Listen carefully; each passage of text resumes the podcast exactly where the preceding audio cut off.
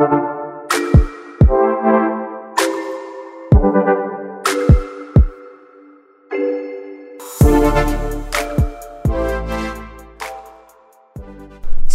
Sürdürülebilirlik Podcast kanalından herkese merhaba, ben Gökçe. Artık biliyoruz ki iklim değişikliği günümüzün en önemli sorunları arasında yer alıyor. Dünya genelinde görülen sıcaklık artışları, kuraklık, mevsim sürelerinin uzaması, sık sık yaşanan doğal afetler iklim değişikliğinin çarpıcı sonuçları olarak karşımıza çıkıyor. İklim değişikliğinin temel nedeninin sanayi, enerji üretimi, tarım, inşaat, taşımacılık gibi ekonomiyi birinci dereceden ilgilendiren insan faaliyetleri sonucunda atmosfere salınan sera gazı hacmindeki artış olduğu biliniyor. Bu nedenle pek çok ülke sera gazlarını azaltmaya yönelik ulusal ve uluslararası ölçekte politikaları ve programları uygulama gayreti içerisindeler. Bu amaçla uygulanan araçların en etkilerinden birisini karbon ticareti oluşturuyor. İlk kez 1994 yılında imzalanan Birleşmiş Milletler İklim Değişikliği Çerçeve Sözleşmesi ile gündeme gelen karbon ticareti kavramı 2005 yılında yürürlüğe giren ve gelişmiş ülkelerin sera gazı miktarlarını %5.2 oranında azaltmalarını talep eden Kyoto Protokolü ve 2021 yılında 191 ülkenin onayladığı Paris Anlaşması ile belli bir çerçeve yerleşmiş oldu. Peki nedir bu karbon piyasası veya diğer bir ifadeyle karbon ticareti? Proje veya piyasa temelli olmak üzere iki farklı işleyişe sahip olan karbon ticareti, ülkelerin veya kurumların azalttığı sera gazı emisyonlarının sertifikalandırılması ve bu sertifikaların piyasalarda alım satım yapılması esasına dayanıyor. Karbon ticaretinde çeşitli sera gazlarının salımı metrik ton olarak karbondioksit gazı eş değeri cinsinden ifade ediliyor. Peki süreç nasıl işliyor derseniz, öncelikle kamu otoritesi sektörel ve işletme düzeyinde sera gazı emisyon limitlerini belirliyor. Sonrasında ise kendisi için belirlenen seviyeyi aşması durumunda cezalandırılacak olan işletmeler emisyon seviyesini azaltmak amacıyla temiz teknolojilere yatırım yapabiliyor ya da kendi sınırının üzerinde kalan emisyon miktarı kadar piyasadan sertifika satın alabiliyor. Böylelikle sera gazı emisyonlarının azaltılması için işletmenin en ucuz maliyetli seçimi yapması sağlanıyor. Öte yandan emisyon azaltım taahhüdünün ötesinde azaltım sağlayan işletme ise sahip olduğu fazla emisyon hakkını satarak gelir elde ediyor ve sera gazı azaltım maliyetlerini düşürüyor. Karbon fiyatlandırma mekanizmaları katılımın zorunlu olduğu ve zorunlu olmadığı yani gönüllü karbon piyasalarından oluşuyor. Ancak Türkiye henüz ekonomi genelinde etkin bir zorunlu piyasa uygulamıyor. Diğer yandan da ülkemizin gönüllü piyasalarda oldukça etkin olduğunu görüyoruz. Şu an küresel karbon piyasasının değeri 150 milyar doları aşmış durumda. Karbon denkleştirmenin ve ticaretinin Paris Anlaşması'na tanımlanan sürdürülebilir kalkınma mekanizması kapsamında önemini koruyacağı ve işlem hacminin de artacağı öngörülüyor. İşte biz de bu önemli konuyu iklim değişikliği, karbon kredileri ve sürdürülebilirlik çözümleri alanında önde gelen şirketler arasında yer alan Enking International firmasının Türkiye, Orta Doğu ve Kuzey Afrika Bölge Müdürü Oğuz Tosun ile konuştuk. Umarım dinleyen herkese fayda sağlar, herkese keyifli dinlemeler.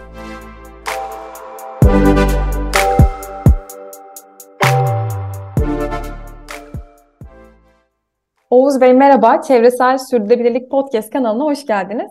Podcast sorularımıza başlamadan önce sizi tanımayanlar için kısaca kendinizi tanıtabilir misiniz? Merhaba Gökçe Nur Hanım. Ben Oğuz Tosun. Ee, aslen bir çevre mühendisiyim. Ee, Orta Doğu Teknik Üniversitesi e, Çevre Mühendisliği bölümünden e, mezun oldum. Ama 2016 yılından beri karbon fiyatlandırması sektöründe farklı karbon fiyatlandırması pratikleri üzerinden profesyonel faaliyetimi yürütüyorum kendimi profesyonel e, mecrada bir karbon fiyatlandırması uzmanı olarak tanımlayabilirim.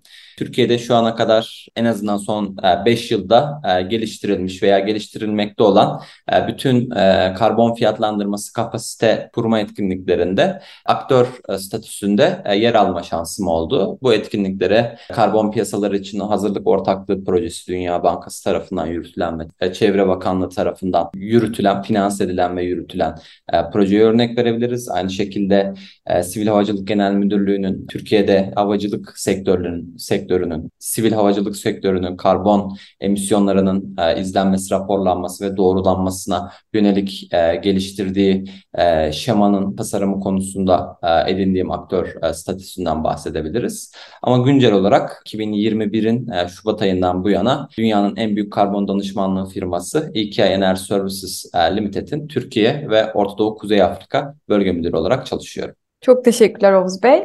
Ee, şimdi podcast sorularına geçeceğim. Karbon piyasası sera gazları için oluşturulmuş ve emisyon kaynaklarına tahsis edilmiş emisyon izinlerinin alınıp satıldığı bir piyasa. Bu konuyu dinleyiciler için biraz daha detaylandırarak anlatabilir misiniz? Nedir bu karbon piyasası ya da emisyon ticareti? Tabii ama öncelikle şunu ifade etmeme e, müsaade edin e, lütfen. İş karbon fiyatlandırmasına geldiğinde ya da karbon e, piyasası ya da piyasalarına geldiğinde kafaların e, biraz e, karışık olduğunu görüyoruz son zamanlarda. E, farklı otoriteler kendileri için farklı yorumlar yapabiliyor. Bu olası kafa karışıklıklarını engellemek adına bu cevaplarımı mümkün olduğunca sade tutmaya çalışacağım. Ama tabii sadelikten ayrıldığımı düşündüğünüz noktada siz de daha ileri sorulardan devam edebilirsiniz. Çok teşekkürler e, tabii ki. Şimdi emisyon ticaretiyle başlayacağız galiba. Emisyon ticaret sistemiyle başlayacağız.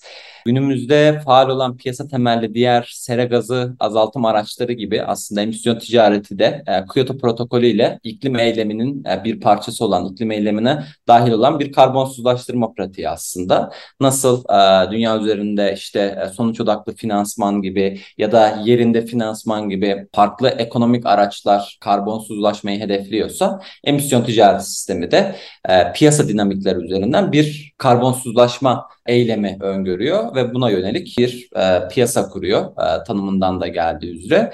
Tabii e, her ne kadar tarihteki ilk pratiği emisyon ticaret sisteminin ABD sınırları içerisinde sülfür emisyonlarının düzenlenmesi için uygulanmış olsa da e, şu an günümüzde en fazla kabul gören karbon fiyatlandırması araçlarından piyasa temelli dekarbonizasyon araçlarından biri olarak e, karşımıza çıkmakta. Buna ek olarak bazı pratiklerde emisyon üst sınır ve ticareti programı olarak da yer alan emisyon ticaret sisteminin sera gazı emisyonu tahsisatlarının ticaretinin yapıldığı bir piyasanın kurulmasına ve bu tahsisatları kapsayacak hacimde bir emisyon üst sınırı hesaplanmasına dayalı bir e, şemasının olduğunu görüyoruz. Yani bu şema üzerinden bir karbon fiyatlandırması pratiğini yürüttüğünü görüyoruz. Öyle ki belirlenen emisyon üst sınırının ilgili ETS e, sera gazı azaltım hedefleri uyarınca her uyum periyodunda daha aşağı e, seviyelere çekilmesiyle düzenlemeye tabi tutulan e, sektör veya sektörlerin işte buna çimento sektörü örneğini verebiliriz.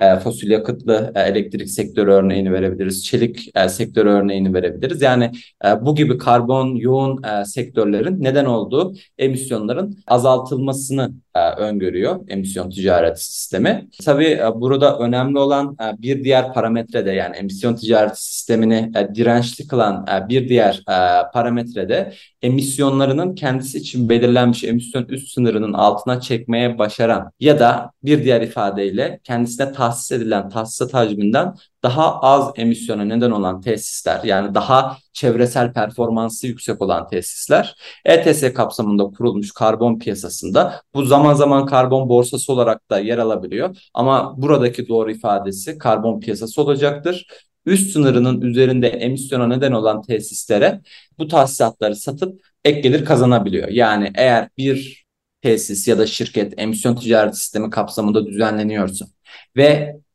emisyonlarının kendisi için belirlenmiş emisyon üst sınırının altına çek, çekir, e, çek, çektiğini e, raporlamayla kanıtlayabiliyorsa yani kendisine tahsis edilen tahsisatlardan artırım e, yaptıysa bu tahsisatları başka e, şirketlere, sektörlere yani bu emisyon ticaret sistemi kapsamında düzenlenen ve kendi emisyon üst sınırının üzerinde bir e, emisyona neden olan farklı faaliyetlere ya da şirketlere bu tahsisatları satıp ek gelir kazanabiliyor. Yani özetle, bunu özetlememiz gerekirse, işin direncinin nereden geldiğini özetlememiz gerekirse bu sistemde çevresel performansı daha iyi olan şirketler bir ek gelir olan bir ek gelir mekanizması olan karbon finansmanından altını çiziyorum. Tahsisat ticareti yoluyla yararlanabilir. Sizin sorunuzda izin olarak geçiyordu. Bu da doğru bir terminoloji. Ama bugün Dünya e, Bankası tarafından yürütülmüş karbon piyasalar için hazırlık ortaklığı projesi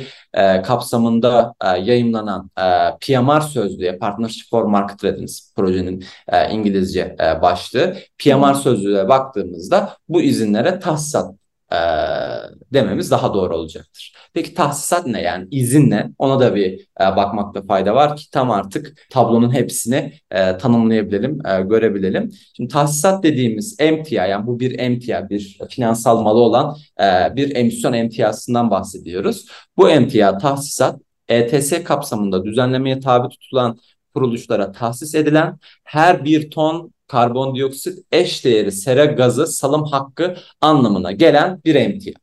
Yani ne demek? Benim eğer bir tahsisatım varsa bu şu anlama geliyor. Benim bir ton karbondioksit eş değeri sera gazı salım hakkım olduğu anlamına geliyor. Yani emisyon yapma hakkım anlamına geliyor. Tabii kendi emisyon üst sınırım uyarınca. Tabii burada şunun da altını çizmekte fayda var. Bugün emisyon ticaret sistemi şemaların çoğuna baktığımızda emisyon e, kapsamı yani birimi, emisyon birimi karbondioksit eşdeğer olarak e, karşımıza çıkıyor. Ama hani e, sayısı 3'ü 4'ü geçmeyen bazı işte emisyon düzenlemesi e, şemalarında sadece karbondioksit emisyonlarının düzenlendiğini ya da karbondioksit işte nitriz oksitler gibi diğer birkaç e, sera gazının düzenlendiğini görüyoruz. Bu durumda birazcık daha tanımımız değişiklik gösteriyor ama bunlar detaylar tabii. Tahsisatın tanımından e, yola çıktığımızda bir tesis ya da sektör için belirlenmiş emisyon üst sınır hacmi de bu tesis ya da sektöre tahsis edilecek tahsisat adedine eşittir. Yani az önce birim e, üzerinden gittik. Şimdi hani e, total e, emisyon e, muhasebesine baktığımızda eğer e, bir emisyon ticareti kapsamın emisyon ticaret sistemi kapsamında bir tesise ya da sök, e, sektöre 100 bin birim ya da işte e, 10 bin birim 10 e, bin adet e, tahsisat tahsis edilmişse bu tahsisin yolları da tabii kendi arasında farklılık gösteriyor. Bu e, hacimde bir e, tahsisat tahsis edilmişse bu e, şirketin, bu tesisin ya da bu sektörün ilgili emisyon ticareti sisteminin ilgili uyum dönemi boyunca bu emisyon üst sınırının üstüne çıkmaması gerekir. Eğer çıktıysa e, çıktığı kadar emisyonunu e, ceza olarak farklı uygulamalarla yani bugün Avrupa Birliği emisyon ticaret sisteminde ve Yeni Zelanda ile emisyon ticaret sisteminde farklılıklar e, mevcut bu cezalandırmalarda. Bir cezalandırma üzerinden daha radikal yollarla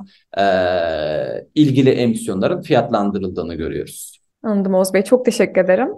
Rica ee, ederim. Diğer sorumla devam edeceğim. Siz de az önce Lütfen. bahsetmiştiniz Kyoto Protokolü diye. E, Kyoto Protokolü'nün emisyon ticaretine konu olan esneklik piyasalarından bağımsız olarak işletilen çevresel ve sosyal sorumluluk ilkesi çerçevesinde kurulmuş gönüllü karbon piyasası var. Nedir bu gönüllü karbon piyasası? Burada işler nasıl ilerliyor ve az önce bahsettiğimizden e, o piyasadan farkı nedir? Bundan da bahsedebilir misiniz? Tabii öncelikle bu net sorunuz için çok teşekkür ediyorum Gökçe Nur Hanım. Yani ben belki e, bir ay içerisinde ya da bir hafta içerisinde e, diyelim gönüllü karbon piyasasının ne olduğuna yönelik 5 ila 10 arasında e, farklı kurumlardan, farklı otoritelerden sorular alıyorum ama hiçbir e, soru bu kadar net değildi şu ana kadar. Çok e, teşekkür bunun için, ederim. E, dersinize çalışmış olduğunuzu e, öngörüyorum. E, şimdi e, söz konusu yani karbon piyasalarının karmaşıklığı olduğu için e, benim e, düzenli olarak e, farklı hedef kitlelerine uyguladığım eğitimler var. İzin verirseniz sorunuza cevabımı bu eğitimlerden naçizane kendimin geliştirdiği bir tanımla cevap vermek istiyorum. Tabii yani cevabımı bu tanımla başlamak istiyorum. Gönüllü karbon piyasası Kyoto mekanizmalarına alternatif olarak kurulmuş karbon projelendirmesine ve denkleştirilmesine yönelik coğrafi kısıt belirlemeyen, tamamen gönüllü eylemler doğrultusunda işlerlik kazanan uluslararası bir karbon piyasasıdır.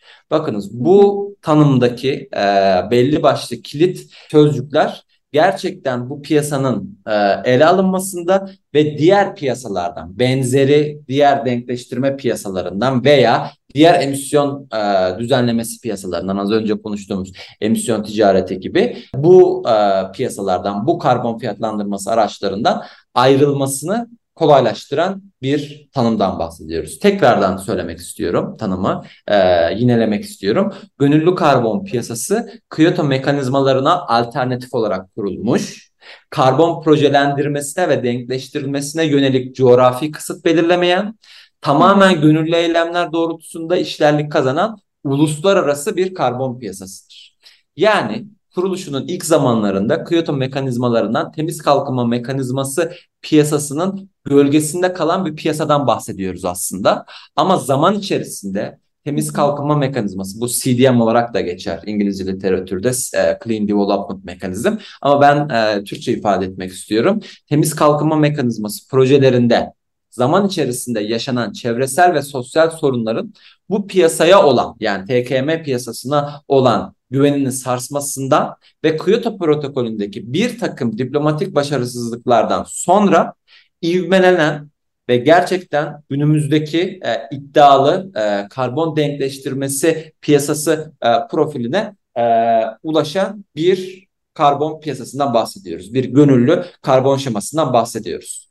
Öyle ki günümüzde e, piyasa gönüllü bir piyasa olmasına rağmen bu piyasanın bileşenleri tarafından ihraç edilen e, karbon kredileri farklı şemalarda, farklı zorunlu karbon fiyatlandırması şemalarında bir uyum aracı olarak kullanılabiliyor. Mesela bugün CORSIA diye ibare ettiğimiz e, Carbon Offsetting and Reduction Scheme for International Aviation yani e, uluslararası e, sivil havacılık e, operasyonlarından kaynaklanan e, emisyonların denkleştirilmesi ve azaltılması e, şeması kapsamında uyum tamamen ilgili havayolu şirketinin gönüllü karbon piyasasından örneğin karbon kredilerinin satın alınmasına ve itfasına dayanıyor. Yani bunun detaylarına çok girmek istemiyorum ama burada e, vurgulamaya çalıştığım nokta piyasa gönüllü bir piyasa piyasanın e, organik bileşenleri doğrudan gönüllülük e, beyanları üzerinden, gönüllü eylemler üzerinden işlerlik kazanıyor. Ama hı hı. piyasaya olan güven uluslararası anlamda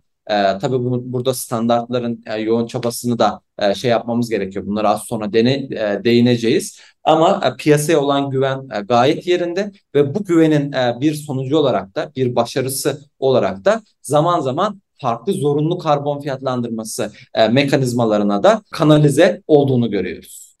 Evet, şimdi gelelim bu e, piyasanın yani gönüllü karbon piyasasının diğerinden farkına. Yani emisyon ticareti sisteminden farkına.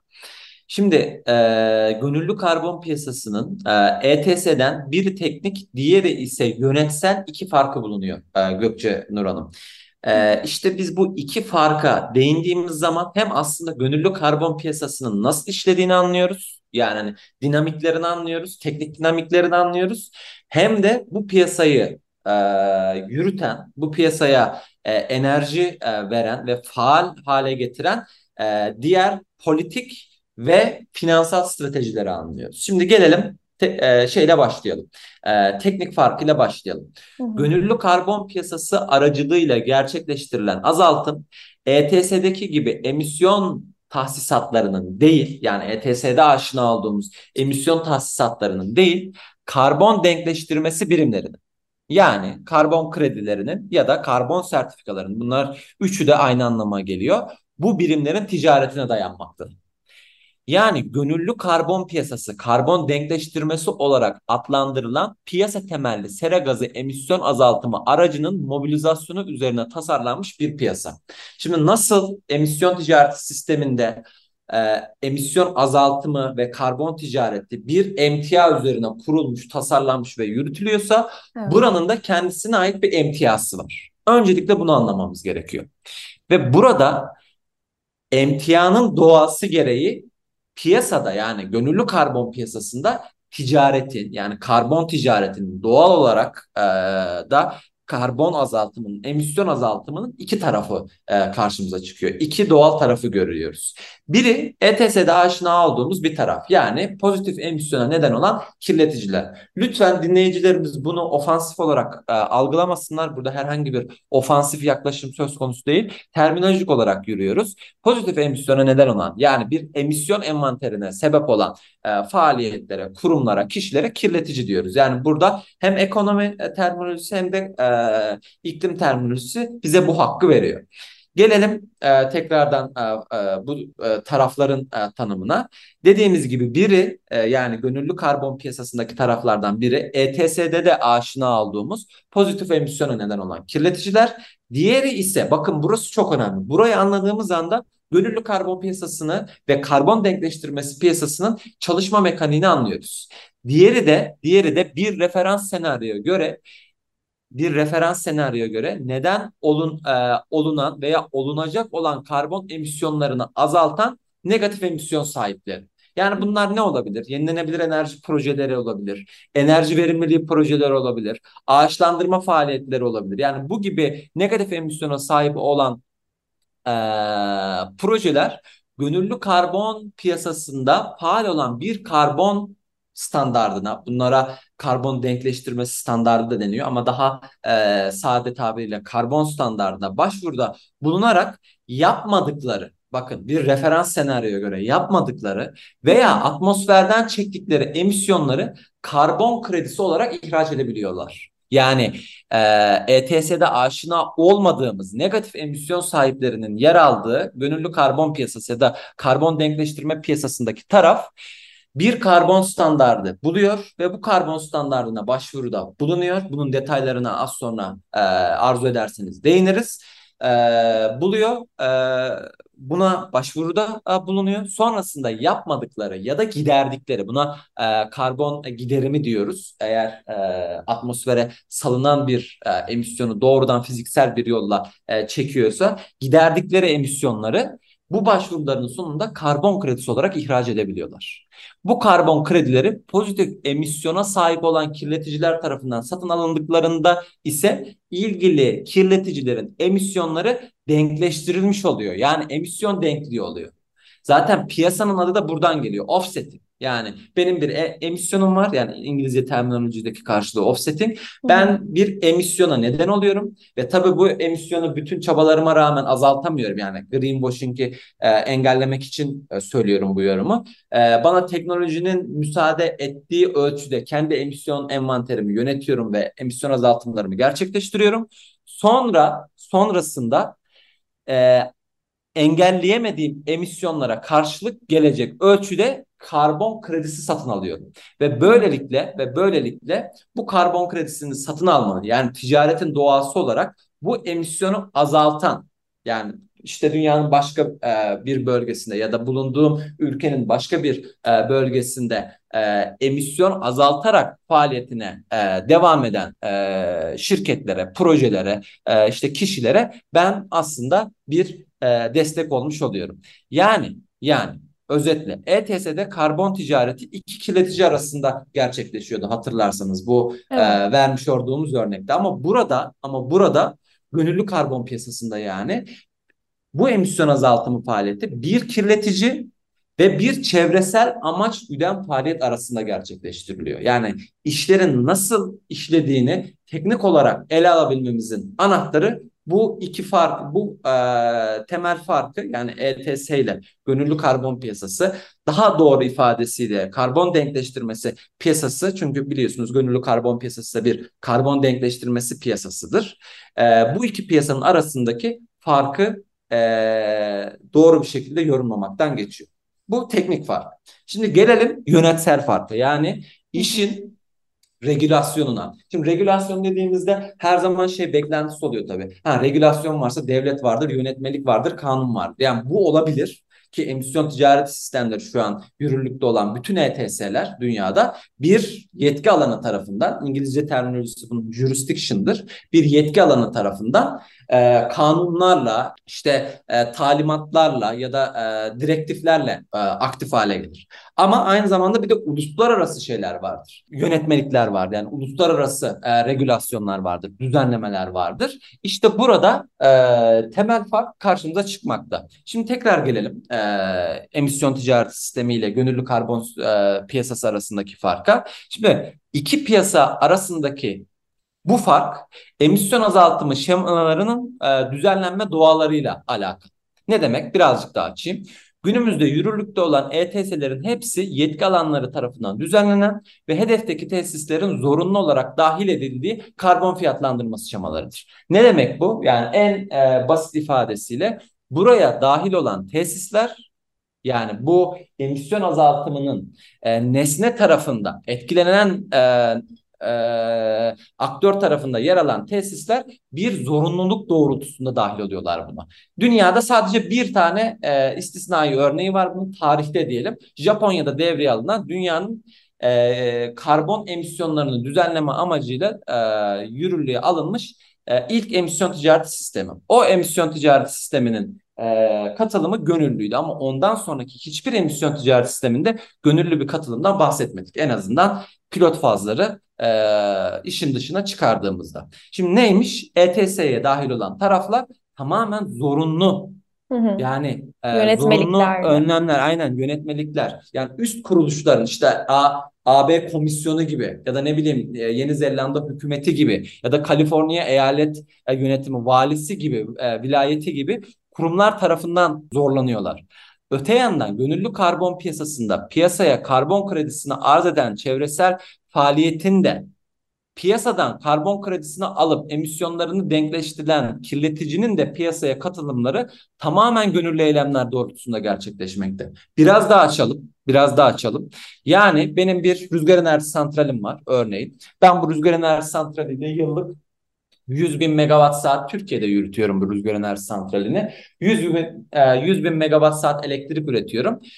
Ee, ve gönüllü karbon piyasasına katılmak istiyorum. Yani diyorum ki ben eğer bu elektrik üretimini bir enerji yatırımcısı olarak e, fosil yakıtlı bir santral üzerinden gerçekleştirseydim yani ticari faaliyetim fosil e, yakıtların yanması üzerinden olsaydı e, güncel emisyon faktörünü göz önünde bulundurduğumuzda 65 bin ton karbondioksit e, eş değerine yakın bir sera gazı emisyonum olacaktı yıllık. Bunu yapmadığım için bunu yapmadığım için ben gönüllü karbon piyasasında eğer uygunsam yani kriterlerini e, sağlıyorsam buna dediğim gibi e, arzu ederseniz az sonra değiniriz. E, sağlıyorsam bu kriterleri sağlıyorsam başvuruyorum bir standart buluyorum ve gönüllü olarak buna para harcayarak bir de bu işin bir de yatırım tarafı var dahil oluyorum. Sonrasında karbon kredilerimi e, ihraç ediyorum ve piyasada listeliyorum. Piyasada artık mobilize edilebilir hale geliyorum. Sonra Başka bir faaliyet yani pozitif emisyon sahibi. Mesela kim olabilir? Bir tekstil e, firmasını örnek verebiliriz. Bir tekstil firmasının işte e, belirli bir zaman e, aralığında bir emisyon envanteri var ve bu emisyon envanterini kendi çabaları doğrultusunda bir yere kadar azaltmış ya da azaltmamış herhangi bir sebepten dolayı doğrudan emisyon azaltımını piyasa temelli araçları kullanarak e, yürütmeyi hedefliyor. Bu durumda işte az önce tabir ettiğimiz, az önce örneğini verdiğimiz rüzgar enerji santralinden ihraç edilmiş karbon kredilerini satın alarak, gönüllü olarak satın alarak, bakın hiçbir hiçbir kuruluş bu e, tesisi bunu yapmaya zorlamıyor. Ama gönüllü olarak bu tesis gidiyor emisyonlarına karşılık gelecek şekilde e, yani kendi emisyon envanterini karşılayacak şekilde o hacme e, e, yani atıfta bulunacak e, şekilde bir karbon kredisi e, satın al alışı ya da bir karbon kredisi itfası gerçekleştiriyor. Bu durumda bir karbon denkliği, bir emisyon denkliğini görmüş oluyoruz. Ama bakın bir kere daha alt, e, altını çizmek istiyorum, vurgulamak istiyorum. Ne bu işe dahil olan karbon kredisi sahibi ne de bu e, karbon kredisini satın alan e, tekstil e, firması bu işi zorunlu bir eylem, zorunlu bir şema kapsamında yapmıyor. Ama ilk sorunuzda verdiğim bir örnek vardı hatırlarsanız. Mesela Corsia'dan bahsetmiştik. Evet. Uluslararası sivil havacılık e, operasyonlarının denkleştirilmesi e, için e, o emisyonların denkleştirilmesi için kullanılan bir şeyden bahsetmiştik, şemadan bahsetmiştik. İşte orada gönüllü karbon piyasasında e, ihraç edilen karbon kredileri aslında hibrit bir şekilde zorunlu bir karbon fiyatlandırması mekanizmasının parçası oluyor. Bu işe dahil olan e, rüzgar enerji santrali hala gönüllü olarak dahil oluyor. Ama o karbon kredisini alacak olan havacılık şirketi tamamen kendisine dayatılan bir yönetmelik ya da kendisine dayatılan bir regülasyon sonucunda buna sahip olmuş oluyor. Ama emisyon ticaret sistemi işin pratik zemininde yani tarihteki bir örneği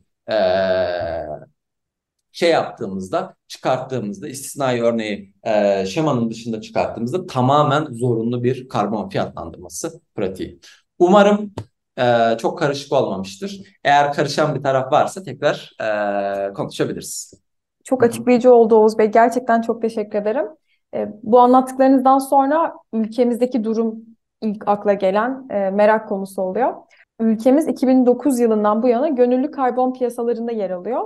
Burada sertifika alma süreçleri nasıl işliyor? Firmalar sertifika için nasıl başvuru yapabiliyorlar? Başvuru kriterleri neler? Başvuru takvimi nasıl belirleniyor? E, sertifikalandırma süreçleri ücretli midir? Az önce verdiğiniz örnekte rüzgar santrali projesi yapan firmadan bahsettik. O firma bu gönüllü karbon piyasasına yer almak istiyorsa ödemesi gereken ücretler nelerdir? Belirlenen krediler nasıl denetleniyor? Güvenilir bir sistem olduğunu söylediniz fakat denetim mekanizmaları neler? Biraz bu konuları detaylandırabilir misiniz? Tabii. E, şimdi mümkün olduğunca detaylı bir açıklama yapmaya çalışacağım e, Gökçe Nur Hanım. Ama e, yani bu soru benim en fazla e, karşılaştığım yani en e, fazla bana e, iletilen sorulardan bir tanesi. Tıpkı e, diğer sorularda olduğu gibi. Ama lütfen hani e, benim verdiğim cevapla bu gönüllü karbon piyasasına e, piyasasındaki dinamikleri bir anda hani bunu e, özellikle dinleyicilerimize söylüyorum. Hani böyle Hı-hı. bir beklentinin içine girmesinler çünkü bu gerçekten bir sektör aslında. Yani bugün bu e, faaliyeti yürüten ve işte e, karbon kredilerin ihraç eden e, firmaların hepsi bir karbon danışmanıyla. Bugün ben de bir karbon danışmanıyım. İşte benim e, piyasadaki meslektaşlarım da e, bu işi yapıyor. Bir karbon danışmanıyla e, devam ediyorlar ve bunu e, düzenli bir şekilde yürütmek yani e, tam olarak e, özellikle bir soruya e, cevap vermek birazcık zor olabilir. Ama ben mümkün olduğunca detaylı ve basit bir şekilde anlatmaya çalışacağım.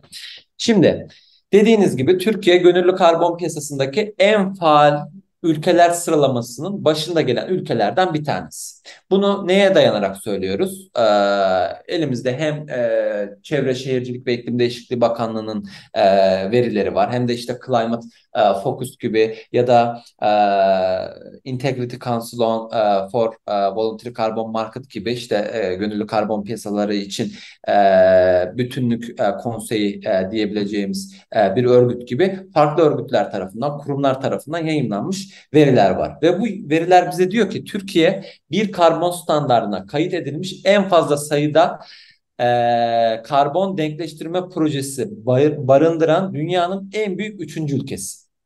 Ve aynı zamanda bu projelerden ihraç ettiği karbon kredisi hacmi itibariyle de dünyanın en büyük dördüncü ülkesi. Yani şimdi e, genelde bu cümle şöyle if, iba, e, ifade ediliyor. Türkiye'nin e, gönüllü karbon piyasası e, dünyada en fazla e, proje barındıran e, üçüncü piyasa ve en fazla e, kredi ihraç eden dördüncü piyasa. Ben bu e, şimdi söylediğim şeye e, ibareye çok katılmıyorum çünkü dünyada sadece bir tane gönüllü karbon piyasası var ve farklı standartlar bu tek piyasaya kredi arz ediyor. Yani aslında Türkiye'nin de dahil olduğu bir tane piyasa var. Bunun için Türkiye bu e, piyasada e, geliştirilen projelerin sayısına bakıldığında en büyük üçüncü ülke ve e, ihraç edilen e, karbon kredilerin hacmine yani miktarına bakıldığında ise en büyük dördüncü ülke. Yani Türkiye e, küresel gönüllü karbon piyasasının en önemli, en hareketli e, aktörlerinden bir tanesi, bileşenlerinden bir tanesi. Hı hı. Şimdi gelelim diğer sorularımıza. Yani işin e, iş akışları ile ilgili sorular sordunuz bana. Yani iş akışlarına gelelim bir projenin yani bir emisyon azaltma projesinin örneğin az önce örneğini verdiğimiz e, rüzgar enerji santrali gibi. Gökçenur RES olsun mesela. Gökçenur rüzgar enerji santrali olsun. bir projenin bir karbon standardı kapsamında karbon denkleştirmesi projesi olarak geliştirilmesi önce ilgili karbon standardının başvuru kriterlerine uygun olmasıyla sonrasında ise listeleme, kayıt ve verifikasyon olarak geçen üç temel projelendirme adımını tamamlamasıyla mümkündür. Hmm. Birazcık karmaşık olmuş olabilir. Yani bir projenin bir karbon projesi olarak geliştirilmesi için bir karbon standardı belirlemesi, yani hedefine bir karbon standardı alması, sonra bu karbon standardı için ilgili kriterlere e, sahip mi değil mi buna bakması, sonrasında da bu karbon standartlarının hepsinin e, takip ettiği bir iş akışını tamamlanması gerekiyor ve bu iş akışı listeleme, kayıt ve verifikasyon olarak geçen üç temel projelendirme adımı anlamına geliyor. Birazcık daha açalım. Yani Türkiye'deki emisyon azaltımı projelerinin şimdiye kadar Gold standart, Verified Karbon Standart ve Global Carbon Council karbon standartlarından birine kayıt olduğunu ve kredi ihraç ettiğini gördük. Yani Türk dünyada bu arada çok fazla karbon standardı var. Yani buna ek olarak işte daha farklı standartlar var arzu ederseniz e, onlara da e, gireriz. Ama temel olarak Türkiye'deki e, eğilime baktığımızda e, projelerin yani emisyon azaltma projelerinin Gold standarda, Verified Carbon standarda ve Global Carbon Council'a e, dahil olduğunu ama kayıt olduğunu ama kredi ihraç ettiğini gördük. Standartların işte en önemli kısım bu. Yani mesela üç farklı standart var. Ben hangisini nasıl e, seçmeliyim? Benim projem hangisine uygun ya da ben hangi e, standardı seçersem daha avantajlı bir karbon finansmanı stratejim olur? Onun cevabını da şöyle açıklamak isterim. Standartların projenin bulunduğu ülkenin ekonomik gelişim kategorisi, örneğin Türkiye. Yani Türkiye'nin bir e, Birleşmiş Milletler tarafından belirlenmiş ekonomik gelişim kategorisi var. Bu. Operasyona başlama tarihi, proje türü gibi belirlediği bazı e, kriterler var. Yani ne demek? Standartlar bu e, saymış olduğum e, üç temel kriterin üzerine başka kriterler de yayınlıyorlar ve emisyon azaltma projelerini kendilerine başvuru yapmaya e, çağırıyorlar. Buna uygun olan ya da bu standartlardan birisine ya da daha fazlasına e, kriter açısından e, uyum gösteren yani bu e, standartların yürüttüğü karbon projesine uygun olan projeler yaklaşık iki yıl süren bir projelendirme sürecinde hazırladıkları dokümanları yine standartların akredite ettiği bakın burası çok önemli yine standartların akredite ettiği karbon denetçisi kuruluşlarından doğrulatmak ve sonrasında ise standart sekreteryasına doğrulanmış dokümanları onaylatmak zorundadır. Ne dedim? İki yıl sürüyor dedim ve bu iş evet. gerçekten ama gerçekten çok meşakkatli bir süreç. Yani bunu e, yakından e, yürüten bir e, aktör olarak şunu söyleyebilirim. Bir karbon projesi, e, projesi eğer örneğin bu e, ismini zikrettiğim standartlardan bir tanesine uygunsa bize geliyor. E, biz onun, e, onunla eğer anlaşırsak ve o projeyi e, bir e, karbon projesi olarak geliştirmeye karar verirsek ondan çok fazla dokümanlar istiyoruz bu hmm. dokümanları e, kullanarak hmm. raporlamalar yapıyoruz. Bu raporlamaları yaparken e, saha ziyaretleri gerçekleştiriyoruz, paydaş katılım toplantıları gerçekleştiriyoruz vesaire. Çok dinamik ve meşakkatli bir süreç. Ve bu süreçlerin hemen hemen hepsi yine akredite edilmiş. Yani hani e, yetkinliklere onaylanmış e, kurumlar tarafından karbon denetçileri buna e, terminolojisi Designated Operational Entity'dir, DOE'dir. Bu kurumlar tarafından e, doğrulanıyorlar. Doğrulama işlemlerinin ardından standart hem bu kurumların doğrulama işlemini denetliyor hem de bizim e, doğrulattığımız dokümanları bir daha baştan denetliyor. Yani böyle e, radikal, e, zorlu bir şeması Detaylı. var. Aynen yani bütün bu e, zahmetli işlemlerin eksiksiz bir şekilde tamamlanması sonucunda bir karbon e, projesi e, karbon kredilerini ihraç edip gönüllü karbon piyasasında mobilizasyonu gerçekleştirebiliyor. Yani ticaretini gerçekleştirebiliyor. Çok güzel. Çok teşekkürler Oğuz Bey. Çok değerli bilgiler gerçekten. Peki diğer sorumla devam edeceğim.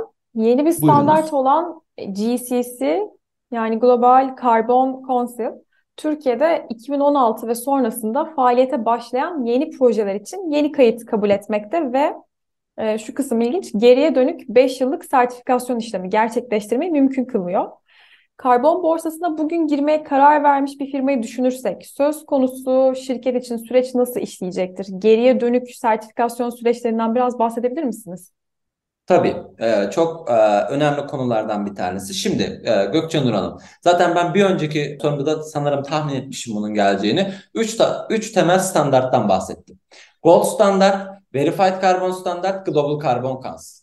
Gold standart İsviçre merkezli, e, Verified Carbon Standard e, Amerika merkezli, Global Carbon Council ise e, Katar merkezli bir karbon standardı ve şunu unutmayalım karbon standartları yani gönüllü karbon e, piyasasını yürüten karbon e, standartları çoğunlukla e, dernek yani hani sivil toplum örgütlerine e, şey yapıyor, atıfta bulunuyor. Bu standartları değerli kılan, bu standartları değerli ve gerçekten başvuruya e, değer kılan e, tarafları kendi işte e, sertifikalandırma şemaları ve uluslararası olarak kabul görme durumları. Yani hani kaliteleri buraya dayanıyor. Yani bugün ben e, Oğuz Tosun olarak Tosun standardı kurabilirim ve e, Tosun standardı kurduktan sonra kendime bir uzman kadrosu belirlerim ve bu uzman kadrosuna e, kadrosunun yürüttüğü e, standarda emisyon azaltımı projesi sahiplerini çağırırım. Bana başvurular da olur eminim. Giderim bu standart üzerinden karbon kredisi ihraç ederim. Ama soru şu.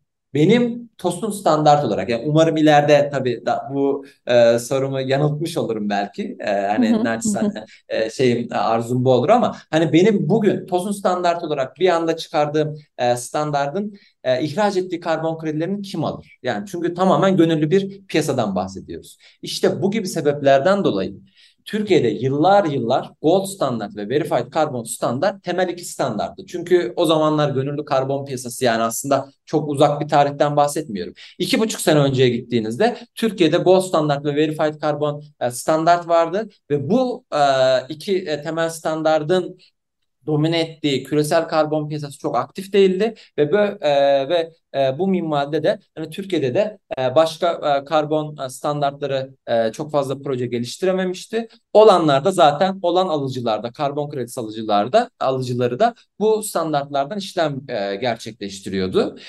Ee, ama gelin görün ki e, bu standartlar Türkiye'deki e, dominant proje türlerinden yani yenilenebilir enerji projelerinden, şebekeye bağlı yenilenebilir elektrik üretim faaliyetlerinin e, kendilerine yaptığı başvuru yani e, kendi kriterlerini artık durdurdular. Başvuru almayı durdurdular. Ne ta, e, hangi tarih itibariyle? E, 24 Ocak 2020 itibariyle Gold Standard 31 e, Aralık 2019 e, itibariyle ise Verified Carbon Standard.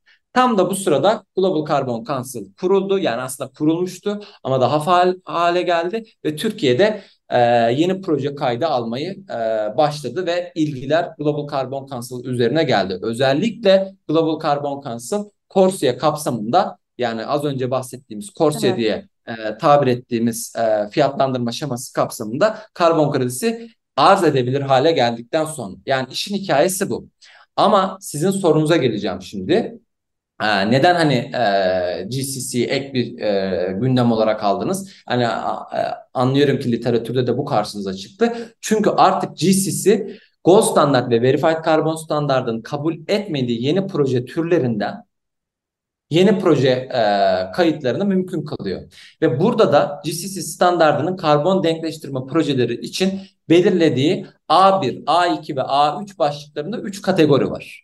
Bu kategoriler projelerin operasyona başlama tarihlerine göre tanımlanmış. Yani şöyle açalım. A1 kategorisi GCC başvurusunu operasyona başlamadan önce yapan projeler için.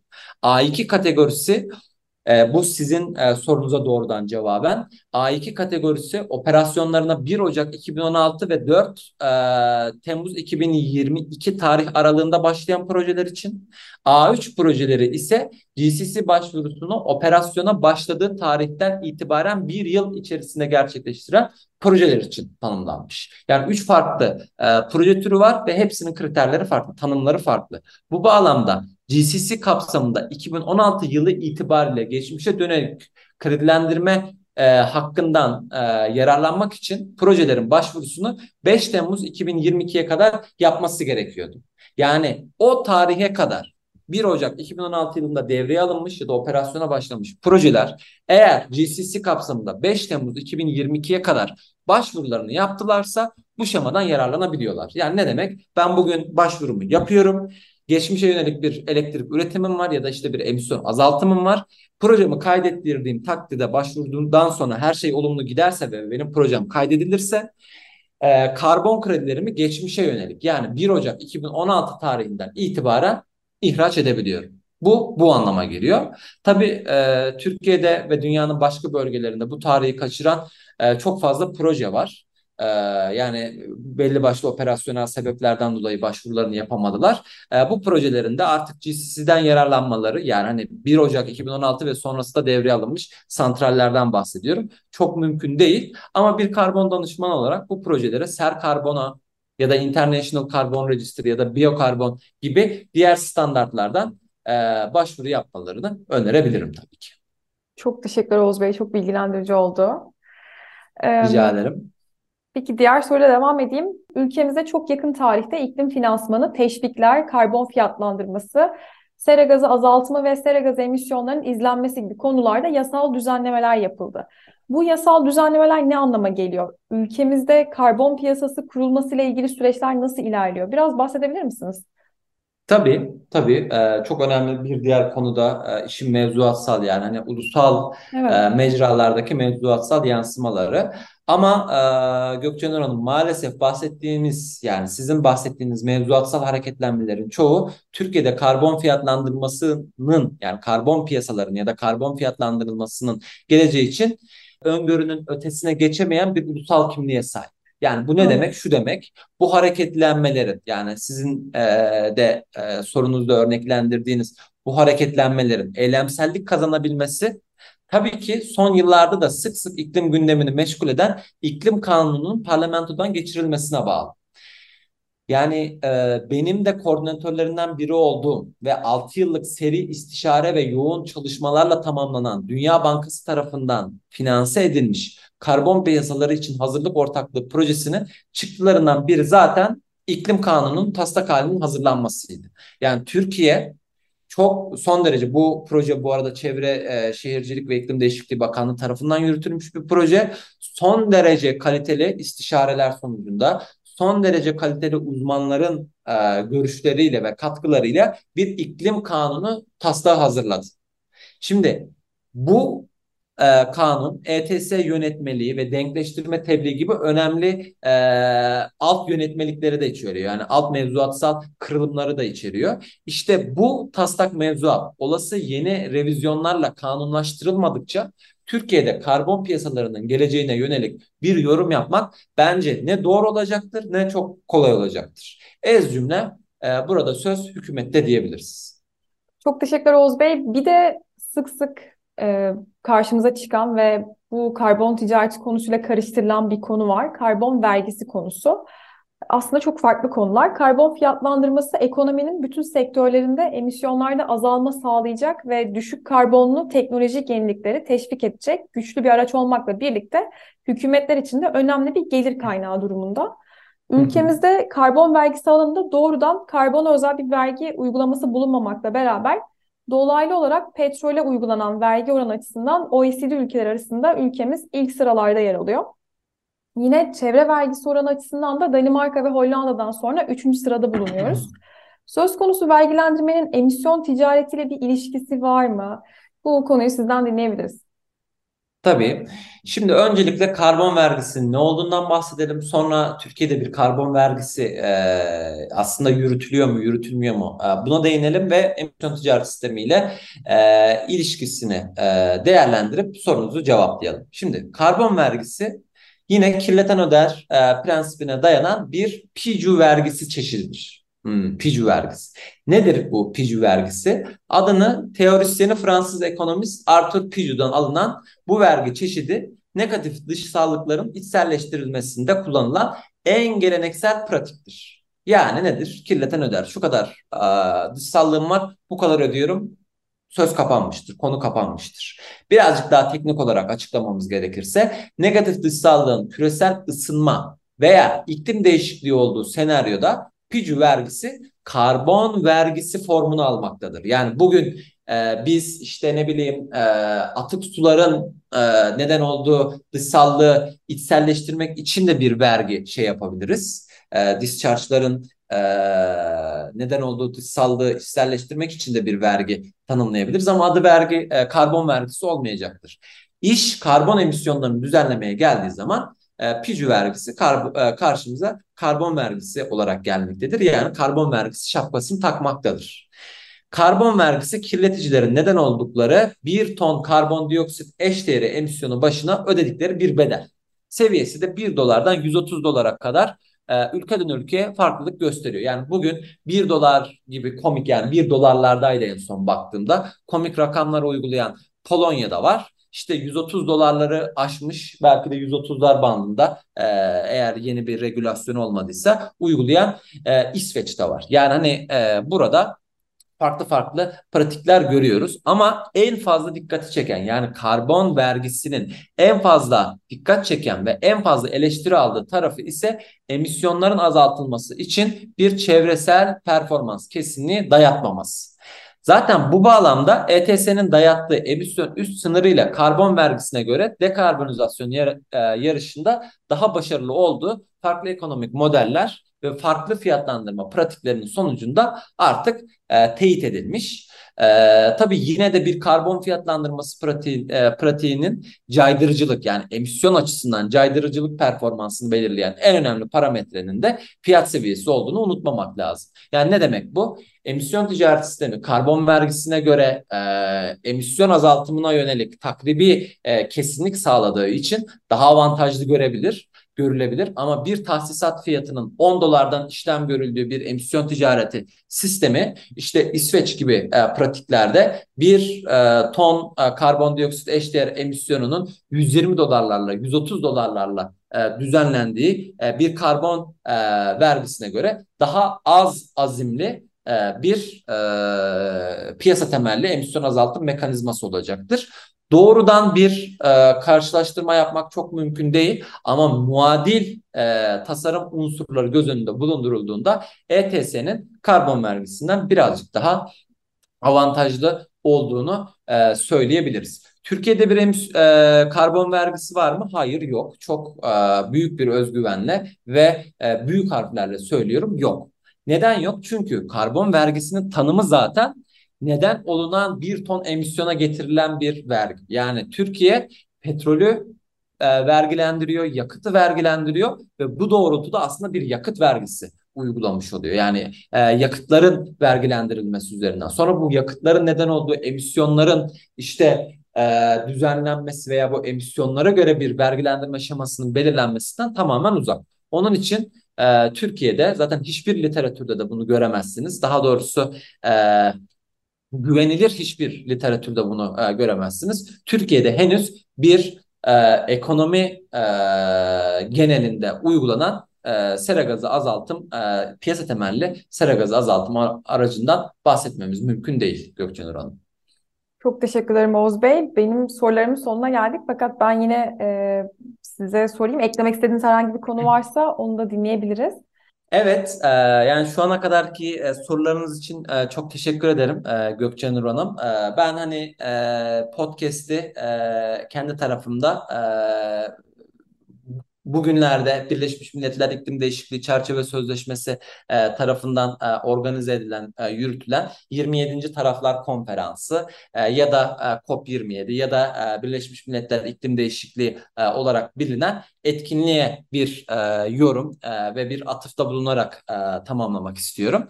E, bu arada ben de zirvenin ikinci hafta müzakerelerini takip etmek üzere podcastimizin ardından zirvenin düzenlendiği e, Mısır'ın Şarm El kentine doğru yola çıkacağım. E, bu zirve e, kapsamında e, e, farklı şey e, farklı pavilyonlarda, ülke pavilyonlarında buna Türkiye dahil, e, Fas dahil, Namibya dahil e, farklı ülke pavilyonlarında doğrudan karbon piyasaları üzerine olmak üzere farklı istişareler, farklı e, paneller e, gerçekleştireceğiz. Tabii işte e, bu panellerde de tartışacağımız üzere ben şunu vurgulamak istiyorum.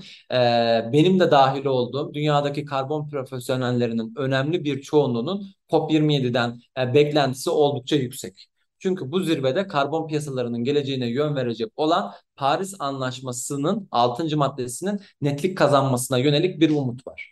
Hatta e, naçizane şunu da paylaşmak istiyorum. E, bu COP27'nin e, karbon piyasaları e, e, filtresi e, üzerinden daha kolay takip ed- takibini e, sağlayabilmek için e, Fransız e, e, platform, e, yayın e, platformu Illumineme e, bir de e, bir e, makale e, draft ettim, e, yazmıştım. Yayınladılar sağ olsunlar. Hani e, bu tartışmaları orada e, daha detaylı bir şekilde, daha e, hani derli toplu bir şekilde takip edebilir e, dinleyicilerimiz. Eğer arzu eden olursa sizinle iletişime geçer. Siz de benim kanalımla kendilerine iletebilirsiniz. Yani özetle şunu söylemek istiyorum. Yani 6. maddeye e, geldiğimizde. Şimdi burada mesela ikili anlaşmalar üzerinden ülkeler arası emisyon ticaretini yönetecek itma mekanizması gibi ya da gönüllü karbon piyasasının mükerrer sayımının engellenmesi doğrultusunda revizyonu gibi veya temiz kalkınma mekanizmasının 2026 yılı itibariyle geleceği gibi